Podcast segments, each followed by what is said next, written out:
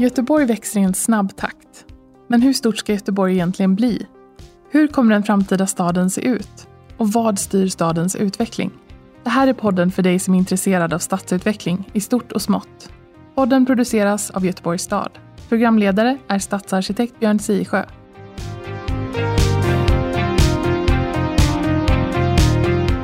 Välkomna ska ni vara allihopa till Götepodd, podden om stadsutveckling i Göteborg. Uh, idag har jag med mig Adelina och Ola som gäster. Adelina, uh, vem är du då? Jag är processledare för hållbarhetsfrågor på Älvstranden Utveckling och har varit det i de senaste tio åren. Ja, Ola, vad är du för någon? Ja, jag är ju en eh, byggare eh, som eh, är formellt vd för Serneke Invest som bland annat håller på med Karlastaden och Karlatornet och massa projekt i Sverige och, som jag är väldigt engagerad i. Eh, gillar stadsutveckling och helhet och gillar när man faktiskt bidrar med någonting till samhället som är positivt. Så att man kan sätta sitt bomärke i entrén och tycka att eh, det där, det där blir bra. Eh, och att man framförallt formar någonting för sin nästa generation. Ja, ja. Och idag ska vi prata om Älvstaden och Vision Älvstaden som kommer att fylla tio år i höst. Det gjordes en vision i Göteborgs stad med, med massor med workshops upp och ner. Men Adelina, du kan kanske berätta lite mer om vad, vad är Vision Älvstaden för något och varför har vi den? Och är den bra eller vad är den? är den bra eller? eh, jo, nej, men vi eh, tog fram en vision för utvecklingen av det centrala älvområdet i Göteborg. Och Eh, tanken var ju att hitta en vision som tog ett grepp över älven som knyter ihop staden och att vi inte förhåller oss till hissingen som en sida av staden och eh, centrala Göteborg eller fastlandet som en annan del utan att se det som att men här är, här är Göteborg i mitten.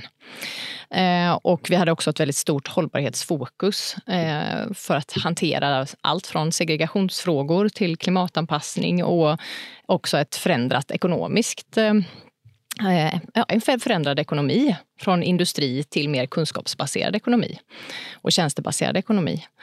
Och då involverade vi både medborgare från hela stan, eh, samtliga stadsdelar med särskilda insatser eh, relaterat till grupper som normalt sett inte kommer till tals i stadsutvecklingssammanhang. Det kan handla om att man inte förstår att man kan påverka. Det kan handla om att man inte känner till att det är en demokratisk process eller kanske inte upplever att ens egen röst är värd att höras i sådana sammanhang. Sen hade vi också väldigt eh, många olika experter från olika europeiska länder. Arkitekter, eh, hållbarhetsfolk, eh, byggherrar, eh, ja, näringsliv, allt möjligt som bidrog med sina kompetenser. Vad är det för någonting i Älvstaden? Var ligger någonstans och hur stor är den? Sådana frågor kommer i mitt huvud när, när vi liksom är uppe bland molnen. Så. Du menar att det inte är självklart? Nej, nej det är nog inte. Nej, nej, det är inte. nej men det är, Älvstaden är centrala Göteborg på båda sidor av Göta älv, eh, både på södra och norra sidan. Eh, och det omfattar sju delområden. Eh, Backaplan, Centralenområdet, Frihamnen, Gullbergsvass, Lindholmen Ringön och södra Älvstranden. Och det är ju liksom områden som har väldigt olika karaktär. Eh, och det som, som ju ändå är eh, intressant med visionen är ju att man vill ta tillvara på de olika karaktärerna och, och utveckla områdena utifrån det. Det som både redan finns sedan tidigare och utveckla det med nytt. Och det, det, omfattas, det nya då omfattas av eh, 25 000 nya lägenheter och 50 000 nya arbetsplatser. Så det är ju en ganska så enorm eh, satsning. Och det är ju Nordens största stadsutvecklingsprojekt i dagsläget. Jo, det var ju, alltså det hette ju då, på utländska hette det ju River City det låter lite coolare då, men, men, men, men, men, men, Ola, vad säger du om det här? Då? Är det... Nej, men jag, jag tilltalas av eh, visionen och eh, framförallt just det här att man, att man bygger ihop staden eh, och att man framförallt lyfter fram vattnet mera och att man just det här med att, att det är öppet för världen, öppet för alla och att det Eh, ta med den sociala biten med att man eh, faktiskt inte bara bygger eh, lägenheter för en viss kategori och socioekonomiskt kan få blanda upp och, och även, även såklart också det här med att man skapar en trygghet och, Och sen så mm, i gengäld också så blir ju Göteborg en mer attraktiv stad. Du får ju faktiskt också eh, mer besökare som kommer hit och ser Göteborg på ett annat sätt. Eh, det är ju ingen, är ju ingen eh, kanalstad idag som det skulle kunna vara. Man skulle kunna lyfta kanalen ännu mera. Eller älven då. Eh, så, och det, och vi, när, när vi var när vi köpte första fastigheten här ute 2004 så, så var det ju väldigt, väldigt delat. Då var det ju verkligen den dåliga sidan och den bra sidan om Göteborg. Då. Och det det tyckte jag var väldigt konstigt för, för eh, det ligger ju så centralt eh, oavsett om det är på Ringön eller på Backaplan eller på eh, Lindholmen så är det ju väldigt nära till, till eh, dåvarande centrum får man säga då med centralstationen. Mm. Ja, det stämmer, för tio år sedan så var det verkligen ful Göteborg, Hisingen. Mm. Absolut. Eh, men vad, vad, hur är det idag då? Nej, men jag tänker att det var väl både en kombination av att man såg, alltså inte sett Hisingen som en del av Göteborg, men sen så utvecklingen av norra eh, Älvstranden har det också riktats en del kritik kring att det blir en gräddhylla. Och det som någonstans har varit ambitionen med visionen är ju att tillgängliggöra centrala stan. Hur skapar man en plats där alla känner sig hemma oavsett vilken ekonomi eller vilken hudfärg eller vad man är intresserad av och tycker om. Eh, och att skapa både icke-kommersiella platser såväl som möjlighet att etablera sig och bosätta sig som du säger Ola. Ehm, och jag vet inte, det sker ju en förändring hela tiden. Eh, jag vet inte om hur mycket det handlar om egentligen att vi har en vision men jag tror att visionen har inneburit att vi också jobbar mycket mer innehållsmässigt med stadsutvecklingen i de här områdena. Eh, att vi tittar på Lindholmen kanske utifrån lite bredare perspektiv. Eh, även utvecklingen av Frihamnen som just nu är på paus så är ju ambitionen väldigt stor att skapa liksom en, en tät innerstadsbebyggelse. Eh, vilket ju har sina utmaningar men jag tror att det finns goda möjligheter även om vi inte riktigt är där ännu. Det var ju tio år sedan då snart som den här visionen gick igenom. Så, så, så nu är vi väl färdiga då? Allting är väl fixat nu? Allt är klart nu. Ja, det är det. det, är det. det, är det. Nej, men det ska väl ändå sägas att det är ju en visionen Planen var ju aldrig att det skulle vara klart förrän runt 2035, 2040 så det är ju tanken med att ta fram en vision var ju att ha en blocköverskridande överenskommelse som man oavsett vilket politiskt styre som en eh, ja, som, som regerade eh, kunde ställa sig bakom. Och det är också så, man kan ju tycka, vi har ju pratat om det eh, Björn, det här med liksom att, den, eh, att den saknar viss konkretiseringsnivå. Men det handlar ju också om att man ska kunna oavsett politisk eh, tillhörighet ställa sig bakom och säga att men det här står vi för, det här är vad vi vill åstadkomma med Göteborg.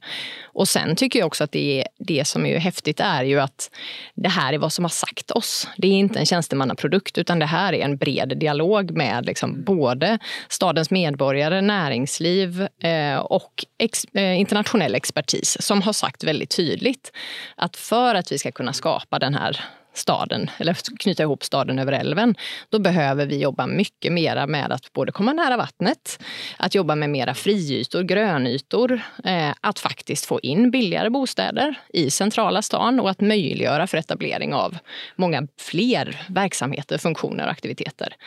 Och jag tycker ändå att vi vi började liksom luckra upp den ganska liksom fyrkantiga bilden som vi haft tidigare om stadsutveckling och vilka roller vi har. Alltså man, inte minst om man tittar på fastighetsägarrollen och byggherrerollen där man tar ett större ansvar. Och det tycker jag ändå att visionen har hjälpt till med. Att vi har kunnat säga att men det här jobbar vi utifrån. Och då är det ganska många fastighetsägare och byggherrar som har sagt så här, ja, vi förstår inte riktigt hur, men om vi gör det tillsammans så tror vi att vi ska hitta vägarna. Och där har vi jobbat väldigt fokuserat just i Masthuggskajen kring det och försöka hitta formerna för där både kommunala liksom, eh, tjänstepersoner och byggherrar jobbar tillsammans med att hitta lösningar på den här liksom, nya hållbara staden som inte på något sätt är utan utmaning. Nej, men det, det är det förstås inte utan utmaningar. Men, men, men vad, vad är för dig, Ola, utmaningarna med, med att bygga stad på, på den gamla asfalten på, på hissingen på andra sidan älven? Nej, men jag tror ju framförallt att man ska få bygga en, eh, just det här med att bygga ihop staden, bygga en hel stad. Eh, så att det inte blir det som man kanske då eh, har misslyckats med tidigare när man, man byggt Sannegårdshamnen och Eriksberg bortåt där så, så man ju byggt för att det blir en dag eller nattstad. Så att man Absolut. bygger en stad som är öppen och trygg dygnet runt. Mm. Och nu är det ju lite så, eh, sakta men säkert så börjar det ju ändra sig det där. för det blir mera förtätat och det blir mer folk som bor på varje, varje område. Eh, just det här att man, att man får tillräckligt med underlag för att restauranger ska vara öppet på kvällarna och så vice versa då dagarna att det finns kontorspersonal eh, eller kontor eh, öppna så att folk går och äter lunch. Eller att du har en, eller att du har en bagare som är öppen på, på natten som möter då någon som kommer, går hem från restaurangen klockan 12 mer eller mindre. Då. Så, så jag tror att man, det gäller ju att vår ambition har ju varit att vi ska bygga en äkta blandstad och våga lyfta det så mycket så att vi vet att det finns tillräckligt med underlag för att det ska också kunna bli en trygg stad att det ska bli en blandstad och att det ska finnas ett, ett, eh, ett hållbart eh, ekosystem för, för allting. Då. Och det är oavsett om det är butiker, eller om det är skola, vård och omsorg eller om det är eh, kultur eller vad som helst. Då. Så att, så att det, för finns det, inte, finns det inte tillräckligt med folk så får man inte in alla de här beståndsdelarna för att bygga eh, helhet. Då. Och det, så så det, det är den stora utmaningen att att få till allt. Den, alla de här. den mångfunktionella staden ja. med, med, en blandning av, av, av folk och, och funktioner. Det där är ju någonting som vi inte har byggt så mycket i Göteborg under efterkrigstiden. Vi har byggt en, en monofunktionell stad med olika sorters bostadsområden och områden för annat mellan likaledes monofunktionella trafiklandskap. Mm. Och det visade sig att den staden som blev mm, faktiskt mer trafiksäker blev ju mindre säker mellan människor. Mm. Uh, så, så det, det, är ju viktigt det du säger att lyckas vi inte bygga en stad där det finns ögon på gatan många tider på dygnet, då blir det en läskig stad. Mm. Mm. Ja men så är det ju definitivt. Mm. Jag tänker att det är intressant också just det här med hur vi, våran funktionsseparering och trafiklandskapet, när vi hade den internationella workshopen som var ett av de stora inspelen till visionen, eh, det var våren 2011, så var det flera som inte varit i Göteborg innan och när de liksom kom in och såg liksom, trafiksituationen så var det där, men hur stor är den här staden?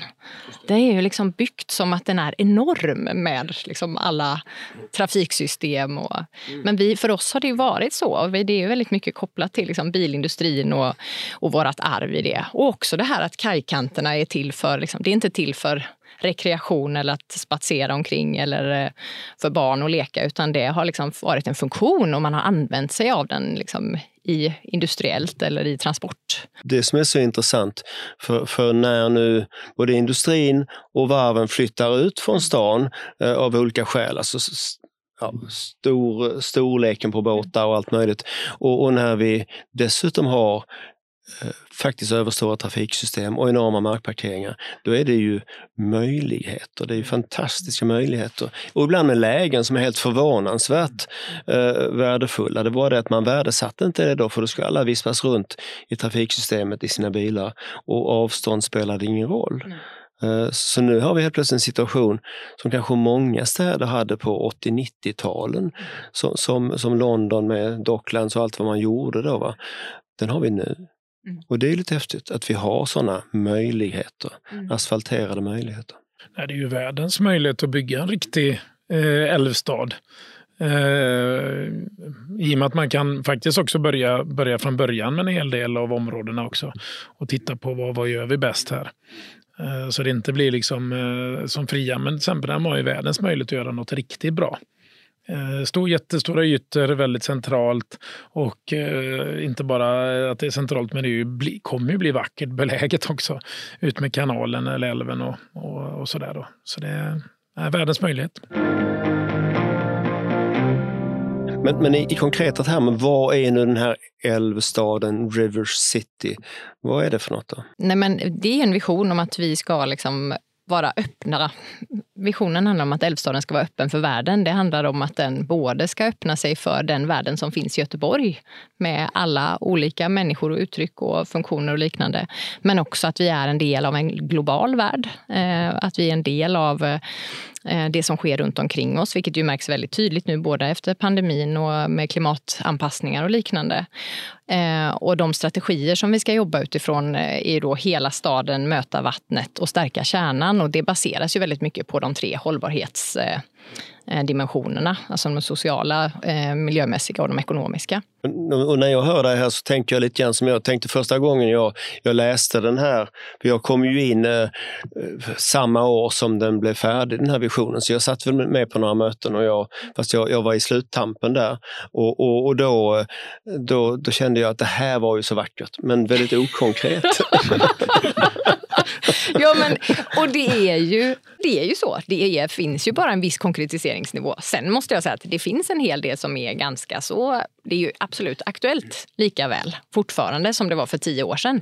Men jag skulle vilja säga att det vi inte har lyckats göra i staden det är ju att öka konkretiseringsnivån och att efterfråga ett resultat utifrån visionen. Att skapa en organisation som jobbar aktivt med hur implementerar vi det? Hur ska vi jobba med, och det handlar egentligen hur ska vi jobba med kvalitetsaspekter i stadsbyggnad? Eh, hur ska vi se till att vi får, vi når de mål som vi liksom sätter upp?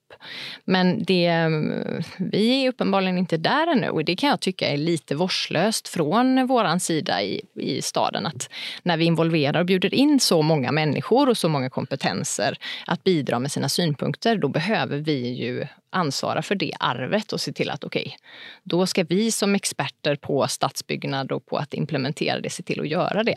Vi har inte burit det vidare det här arbetet som gjordes i visionen säger du då. Vad säger du Ola? Nej, men jag, tror, jag tror att man har, man har nog missat just det här eh, eh, med målupp, eh, målstyrning och måluppfyllnad och kanske inte riktigt då jagat för att få, få det levererat och exekverat. Eh, och så blir det väl ibland såklart när det är mycket frågor som är på bordet samtidigt. Och att, eh, framåt så kanske än mera då fokusera på eh, se, se eh, när ska vi vara klara med vissa, vissa delar och hur kan vi ta det så att det går snabbare då. Och våga kanske ta lite beslut som är lite jobbiga bara för att nå målet. Eh, även om det kan skava lite och vissa kan tycka att det känns fel. Och, men, men jag tror att man, man får nog bara inse att, att alla kommer inte komma överens. Eh, och vissa saker måste man ta för att, för att nå sina mål. Då. Ja, men, men jag, jag kan nog hålla med där. Och, mm. och, liksom att, och det du sa också Adelina, att konkretisering, steg två borde vara mm. konkretiseringen. Mm. Vad menar vi ja. i, i, i, i uh, mätbara termer och ja. även i kvalitetstermer av, med det vi säger ja. uh, i den här skriften som mm. är Vision Älvstaden. Men det hände aldrig riktigt va? Utan sen var det mer, uh, ja kanske Kanske delvis och på en del ställen, mm. men inte som en stor, ett stort Nej. arbete för hela staden. Nej, mm. inte som en helhet utan mm. ganska mycket beroende på eh, engagemang kanske från olika individer. Eh, så att vi har ju jobbat mer med implementeringen i till exempel eh, både Masthuggskajen och även till viss del i Lindholmshamnen. Och, och ni har ju också på mm. sätt och vis gjort det i Karlastaden fast utifrån en annan drivkraft skulle jag säga, kanske snarare än att det är mm. visionen bara rakt upp och ner. Ja, Backaplan är ju likadant. Ja, men precis. Också som man har tagit och man får ju med sig delar, men vi har inte ett och samma. Eh, vi har liksom ingen styrning på det. Att det här är vad vi ska åstadkomma. Detta jobbet ska Masthuggskajen göra. Detta jobbet ska Lindholmen göra. Detta jobbet ska Frihamnen göra för att vi ska möta visionen. Utan det blir väldigt det blir lite beroende på vilka som är involverade och vilka drivkrafter som finns där då. Och det tänker jag att där hade vi kunnat bli bättre på. Men det tror jag man får, det får man nog, eh, så kommer det nog alltid vara. För annars så blir det ju lite monopol och styrt och sådär. Men jag tror, att, jag tror att det är viktigt också att man tillåter att det är olika drivkrafter. Men att Definitivt. man puttar lite åt höger och vänster under, under tiden då. Ja, men, men miss, eh. missförstå mig rätt, jag menar inte heller att man ska liksom ha en eh, liksom fix och fast mm. form. Men mera hur jobbar vi med någon form av styrning eh, utifrån de mål som vi sätter eller vad vi vill åstadkomma och också göra de här mm. eh, prioriteringarna och vad är det vi klarar av att åstadkomma och inte. Vi pratade tidigare om det här med exploateringsekonomin och där vi har gått från att när visionen antogs var ganska fokuserade på hur ska vi skapa kvalitet? Eh, hur ska vi få in de här delarna? Hur ska vi hitta arbetsprocesser där vi får in fler kompetenser och en bättre förståelse för hur vi ska bygga stad. Men där vi liksom inte tillräckligt mycket fokuserade på exploateringsperspektivet. Och nu har det snarare slått över där vi är väldigt koncentrerade på exploateringsperspektivet och tappar mycket av det andra, upplever Just det, jag. Och det skulle jag vilja kommentera lite, för vi var ju nästan framme med en detaljplan mm. för, för, eh, för eh, Frihamnen, första delarna av Frihamnen. Men, men då bedömde våra politiker att, att, det, att mm. de inte vågar trycka på någon knapp där för, för att helt enkelt eh, exploateringsekonomin inte mm. gick ihop. Mm. Och, och, det där är ju ett dilemma. Mm. För det är klart att ska man bygga, visst vill man bygga landshövdingehus i tre våningar och, och stora parker, men, men då så nu när vi bygger Backaplan så är det faktiskt rätt mycket tätare än det som, ja. som vi ritade på i Frihamnen. Av, av, av, någon sorts nödtvång då helt enkelt, för att det går inte att få, få, få ordning på det annars. Så att säga.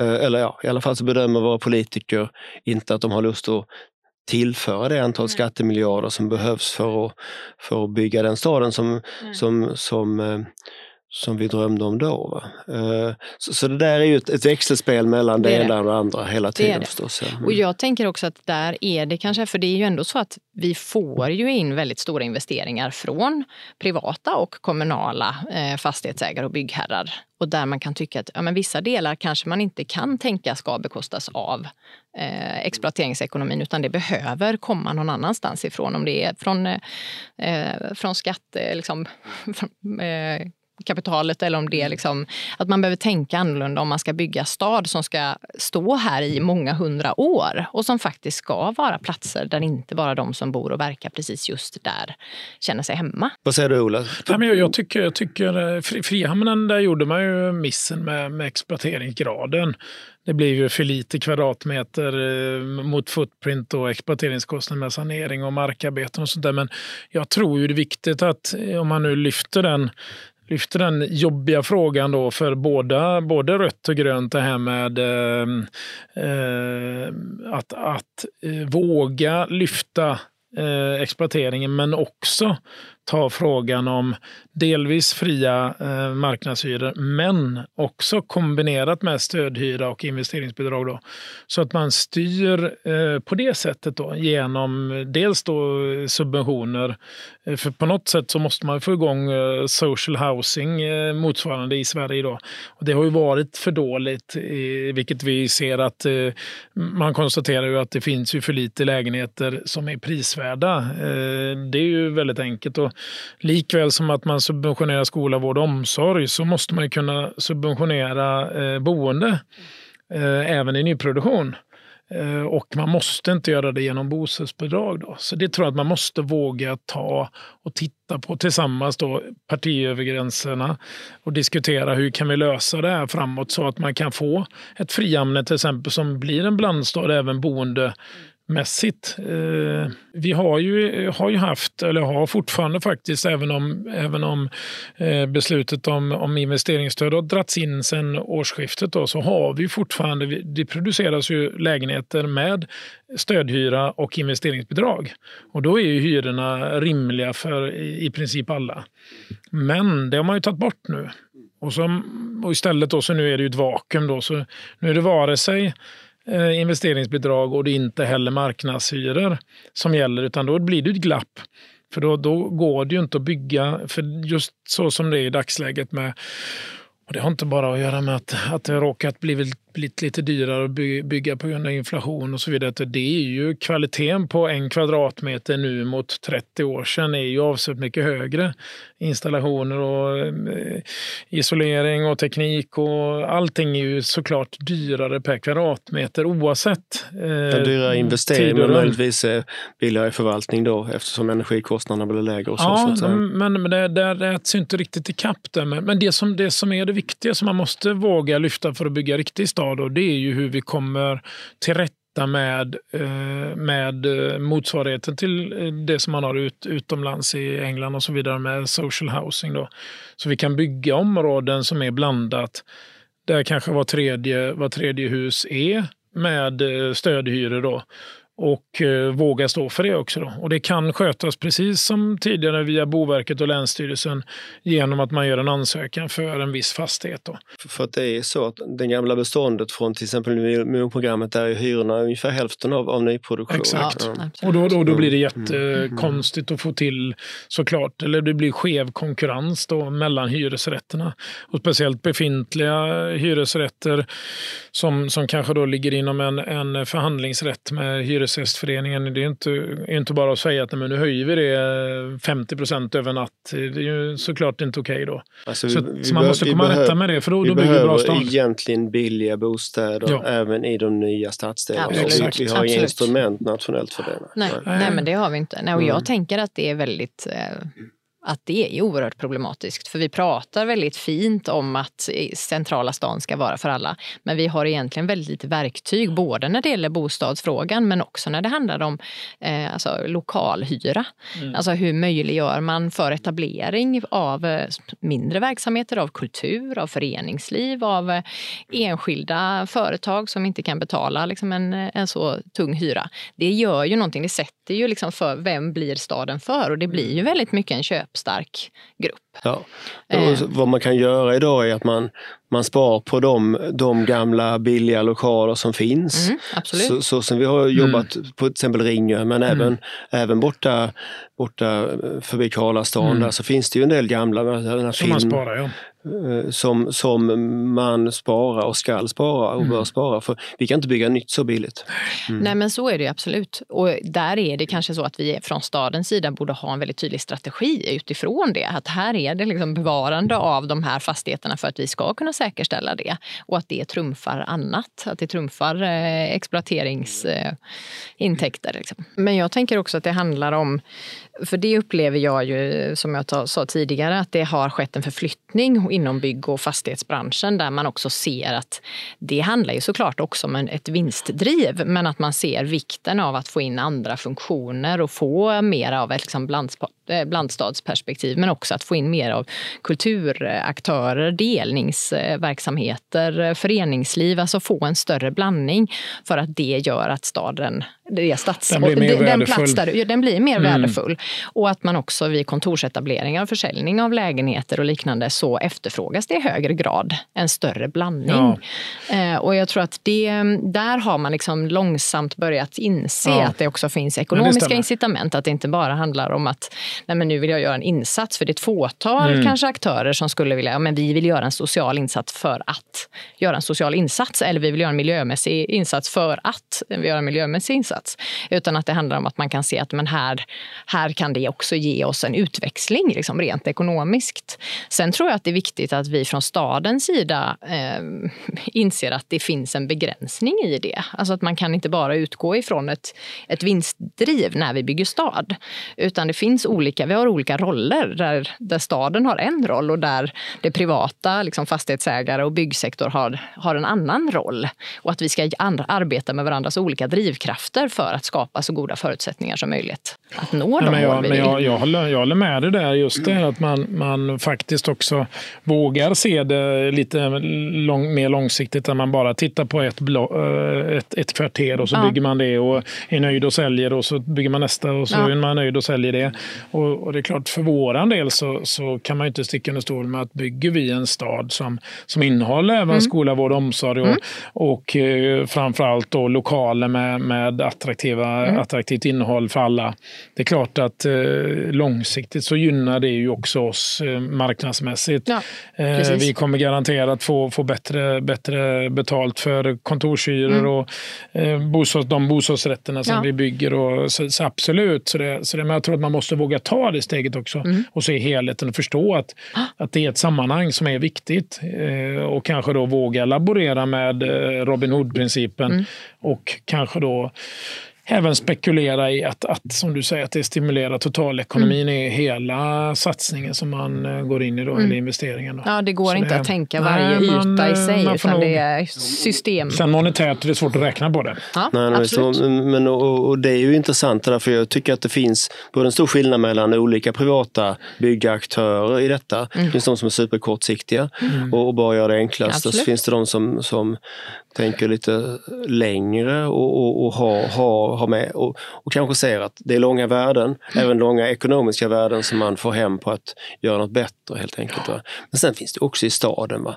i en del av våra markförsäljningar så är det liksom snabba cash mm. och in, inga andra värden som gäller. Och det, det kommer vi få i nacken, liksom. mm. precis som vi fick det i nacken med miljonprogrammet. Mm. Att, att vi, vi helt enkelt byggde med för låg kvalitet utifrån många aspekter. Sen, mm. sen är det klart att det är älskad hembygd för många nu men, mm. men, men, men vi gjorde det för mm. dåligt både tekniskt och, och, och, och uh, stadsbyggnadsmässigt. Mm. Mm. Mm. Och jag tänker att men, jag som jobbar på Älvstranden som ju är kommunalägt stadsutvecklings eller fastighetsbolag, där handlar det om att ja, men vi ska utveckla mark. Eh, vi ska skapa så goda förutsättningar för en långsiktig utveckling eh, av liksom Älvstaden-området och vi ska också liksom göra det tillsammans med privata och kommunala aktörer för att kunna... Vi ställer ju krav i våra markförsäljningar att det här vill vi att ni ska åstadkomma för att ni ska få bygga här för att ni ska få köpa den här marken. Men där finns ju en utmaning också i att projekten också samtidigt ska gå plus minus noll. Och där är liksom, ja men vad, vad ryms inom, om vi ska bygga stad mm. eller ska vi bygga projekt? Eller ska vi liksom... Ja, och vad är plus minus noll? Är det vid inflyttning eller är ja, det på precis. lite längre sikt? Ja, den precis. frågan måste man ställa sig. Precis, är det den kortsiktiga projektekonomin ja. eller exploateringsekonomin? Vad ska man nå break-even? Liksom? Normalt så tror jag stadsutveckling, om man räknar några årtionden på break-even om det ska kunna bli bra. Va? Ja, precis. det kanske man inte riktigt gör nu för tiden. Nej. Nej, men jag tror att där har det skett en förflyttning mm. där man har mm. blivit också stressad i att det är mycket pengar som man investerar mm. och som man mm. investerar i centrala stan överlag nu. Det är jättemycket projekt som pågår och det drar iväg. Men jag, tror, jag tror att man, man, tappar ju, man tappar ju det här äh, som du nämnde Björn, det här med att man vad ger det staden ja. totalt sett på sikt? Du får ju skattebetalare och du får folk som går ja. ner i butikerna och handlar och som faktiskt betalar mm. också sina avgifter då mm. för, att, för att stan ska fungera. Så, så jag tror att man måste våga, våga tänka lite mer långsiktigt också på vad det bidrar med stadsutvecklingsmässigt. Eh, det har varit mycket diskussioner såklart angående olika, olika områden, exploateringsområden, men mm. ibland så, så måste ju också kommunen våga ta nästa steg och ta ett projekt som ja, det kanske inte blir eh, plus, plus på den här exploateringen men däremot så faktiskt har man ju kommit och vågat utveckla. Eh, Göteborg måste ju, måste ju få till mer ja. med både bostäder och kontor och handel in, ja. inne i stan för att bygga en riktig ja. stad. Och att vi måste bli en bra stad för alla våra medborgare och besökare. Alltså, det finns ju de som verkligen kan välja och de mm. kanske väljer att flytta någon annanstans. Finns det de som inte kan välja mm. och de finns det ju stora anledningar att se till att de får ett bra liv. För de kanske tillbringar mer tid i stan än, än, än, alla de som åker till sina mm. sommarstugor och sånt. Så det, det finns ju alla anledningar mm. att bygga en bra stad. Mm. Sen, eh, Sen har vi ibland varit dåliga på det för att vi har haft fel fokus. Mm. Definitivt. Så, så, nu är det egentligen bara att och bonka ner alla de gamla rostiga kåkarna eh, på, på, på, eh, i, i, eh, överallt, Frihamnen och Ringön och, och så och bygga en ny glänsande stad med höga hus. Och så, eller? Det, det, det vi ska göra nu eller?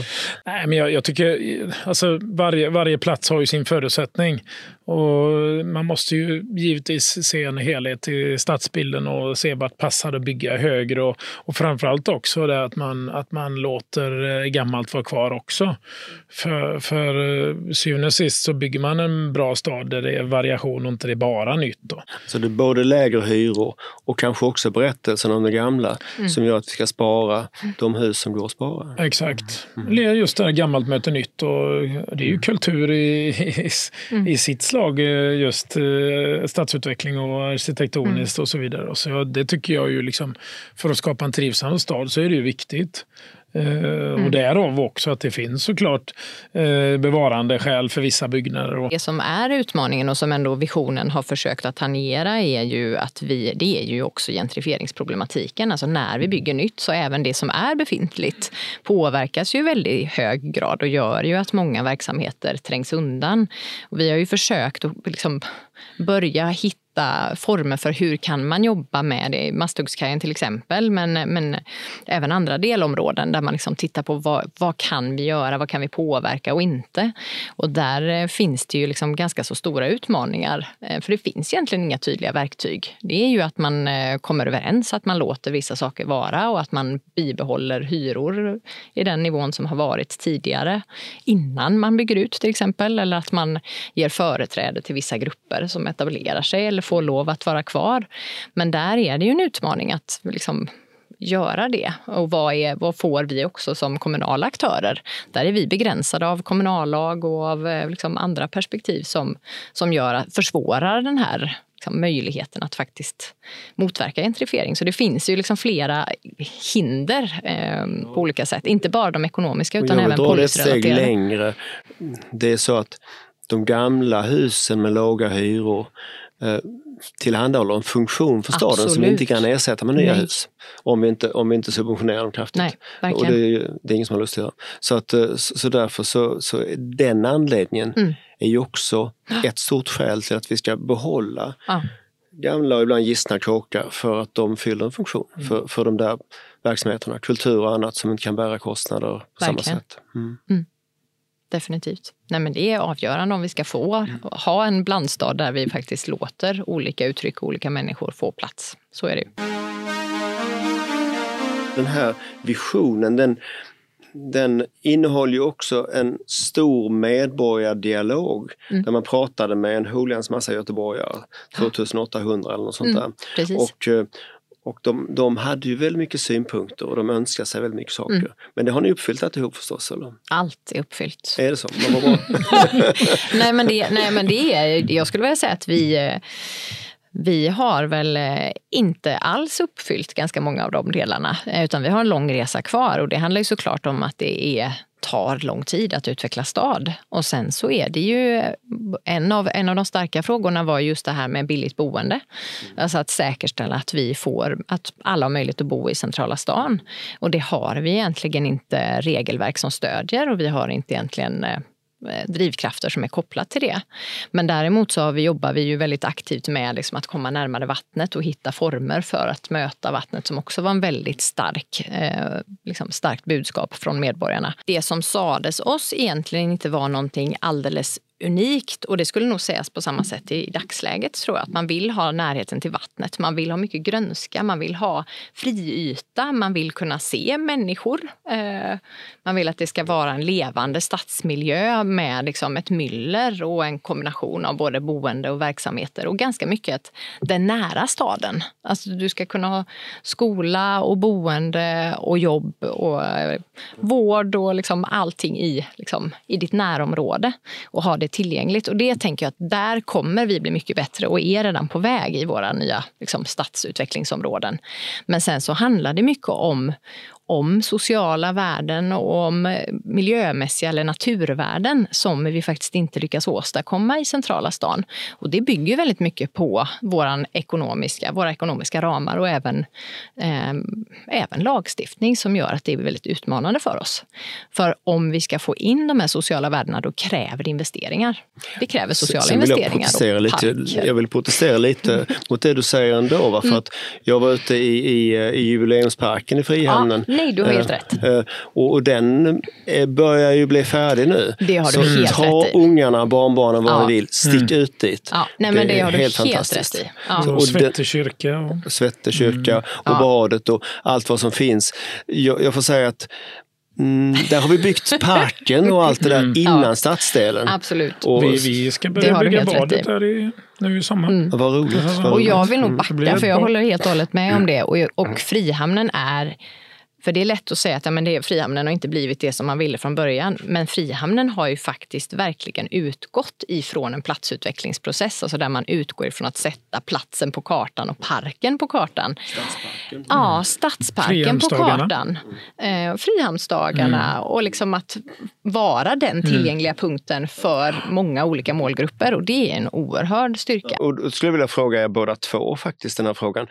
Om man hade gjort en sån här vision idag, hade den sett annorlunda ut mot den som kom för tio år sedan?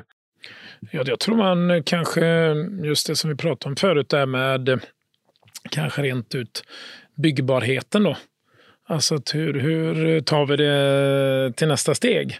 Man kanske hade varit lite mer precis på det, att man, eh, man satte sig in i de, i de eh, alla parametrar som, som krävs för att eh, uppfylla visionen. Eh, det tror jag man skulle, om jag hade fått göra den då, så hade jag nog tittat mycket på det. Eh, för, att- för att liksom förstå helheten. Det är inte det, det sociala och det miljömässiga och det är liksom segregation segregation, integration, allt sånt där. Det är, ju, det är ju i sig väldigt härliga termer, och ord och att man vill få med det i hållbarhetsperspektiv totalt sett. Men det är, ju även någonting som är hållbart ekonomiskt då. Så man, så man inte glömmer av det och framförallt mätbart då. Jo, för, för den mest fantastiska staden som aldrig blev byggd är Mm. ju sämre än en tillräckligt bra stad som blev byggd. Ja, men absolut så är det ju. Men jag tror att det är svårt att avgöra om visionen hade sett annorlunda ut idag. För att nu har vi ändå en erfarenhet av att jobba med visionen i olika hög grad såklart. Men där vi också har lärt oss ganska mycket längs vägen och vad det är som vi skulle vilja, där vi skulle vilja öka konkretiseringsnivån mycket mera. Och det var väl det du sa innan här också att, att, att det är just konkretiseringen, steg två, tre och fyra som aldrig riktigt kom till utan, Nej. utan då blev det fläckavis och då Ja. blev det eh, ibland oavslutat eh, Ja. och, och så. Ja. Mm. Men sen tror jag inte egentligen att kanske innehållet i visionen hade varit så mycket annorlunda. För det handlar också ganska mycket Nej. om grundläggande liksom, eh, behov och önskningar om att skapa liksom, en hel stad och en, liksom, en levande stadsmiljö utifrån olika parametrar. Sen tror jag att nu har vi en annan kunskap som kanske hade justerat den lite grann. Men, men just de här, att skapa en, en, en hel stad, en stad som fungerar för eh, många Mm. eller alla av våra medborgare. Det kräver ju också avväganden, Absolut. sammanvägningar och avväganden. Det vill säga till exempel, ja det här hade varit den mest fantastiska staden. Mm. Men går den att, att genomföra? Eh, och, och liksom prioriteringar också. Absolut. Ska vi prioritera bilarna lika högt som vi gjort hittills i Göteborg, då kan vi inte bygga just den staden Nej. som vi hade tänkt oss. Då får vi liksom bestämma oss för vad, vad vi ska göra. Så att. Och det tänker jag överlag att och, och oavsett eh, hur man ska agera i, i relation till visionen nu eh, kontra då så handlar det om att också våga ta vissa obekväma beslut. Alltså att göra prioriteringar och vara tydlig med att det här är vad vi vill åstadkomma i detta området eller för våran stad i stort. Eh, och där tror jag att där har man inte riktigt velat göra det utan det har varit lite som att vi ska göra allt överallt istället för att kanske välja att här behöver vi fokusera på de delarna av de här insatserna. Ta obekväma beslut, Ja. bli konkret, Ja. titta på genomförbarheten. Och Det hade vi efterfråga gjort. resultat. Efterfråga resultat och kanske mäta resultaten också. Ja. Sen- det sen hade kan vi det gjort om vi hade gjort en ny vision. Ja. Sen kan det bli också, man får inte vara för blir du för detaljerad i en vision också så är ju risken också att, att du tappar, eh, tappar öppenheten till Absolut. att hitta Ja. nya lösningar. Och, Absolut. Ja, ja, så jag ja. tror att, och, om man nu ser det ur ett positivt perspektiv så tror jag att till exempel Backaplanfrågan kanske inte ens hade lyft så snabbt och att det hänt någonting och Nej. inte eh, Skeppsbron får man säga vad man vill om Masthugget. Och, men, menar, det händer ju någonting nu och det har hänt väldigt mycket och det kommer hända. Så, så Absolut. liksom ändå tio år, ja visst men eh, jag startade med Karlastaden 2004. Mm. Och det är ju nästan 20 år sedan. Mm. Och jag har tålamod för jag vill, vi, ja. det tar tid. Ja. Och det kanske i vissa fall får ta tid också. Då. Ja. Och vissa saker går snabbare och vissa saker tar längre tid. Mm. Och en sån här stor vision är ju, tio år är ju relativt kort tid. Absolut. Eh, så utifrån det, det perspektivet så, så har det ju hänt en hel del ändå. Det händer ju en massa och jag mm. tycker också att det är en skillnad i hur man förhåller sig till ett innehåll. Alltså mm. att det inte bara är huskroppar utan hur programmerar vi både allmän plats, hur programmerar vi innehållet i bottenplan, det, det hur jobbar man med det gestaltning? Viktigaste, det är ju, det är ju det, det är livet mellan husen ja. och det är sambanden och det är gångtrafiknätet ja, eh, som är ganska trasigt i Göteborg på många håll. Mm. Mm. Definitivt. Ja men då ska jag be att få tacka för att ni kunde komma här.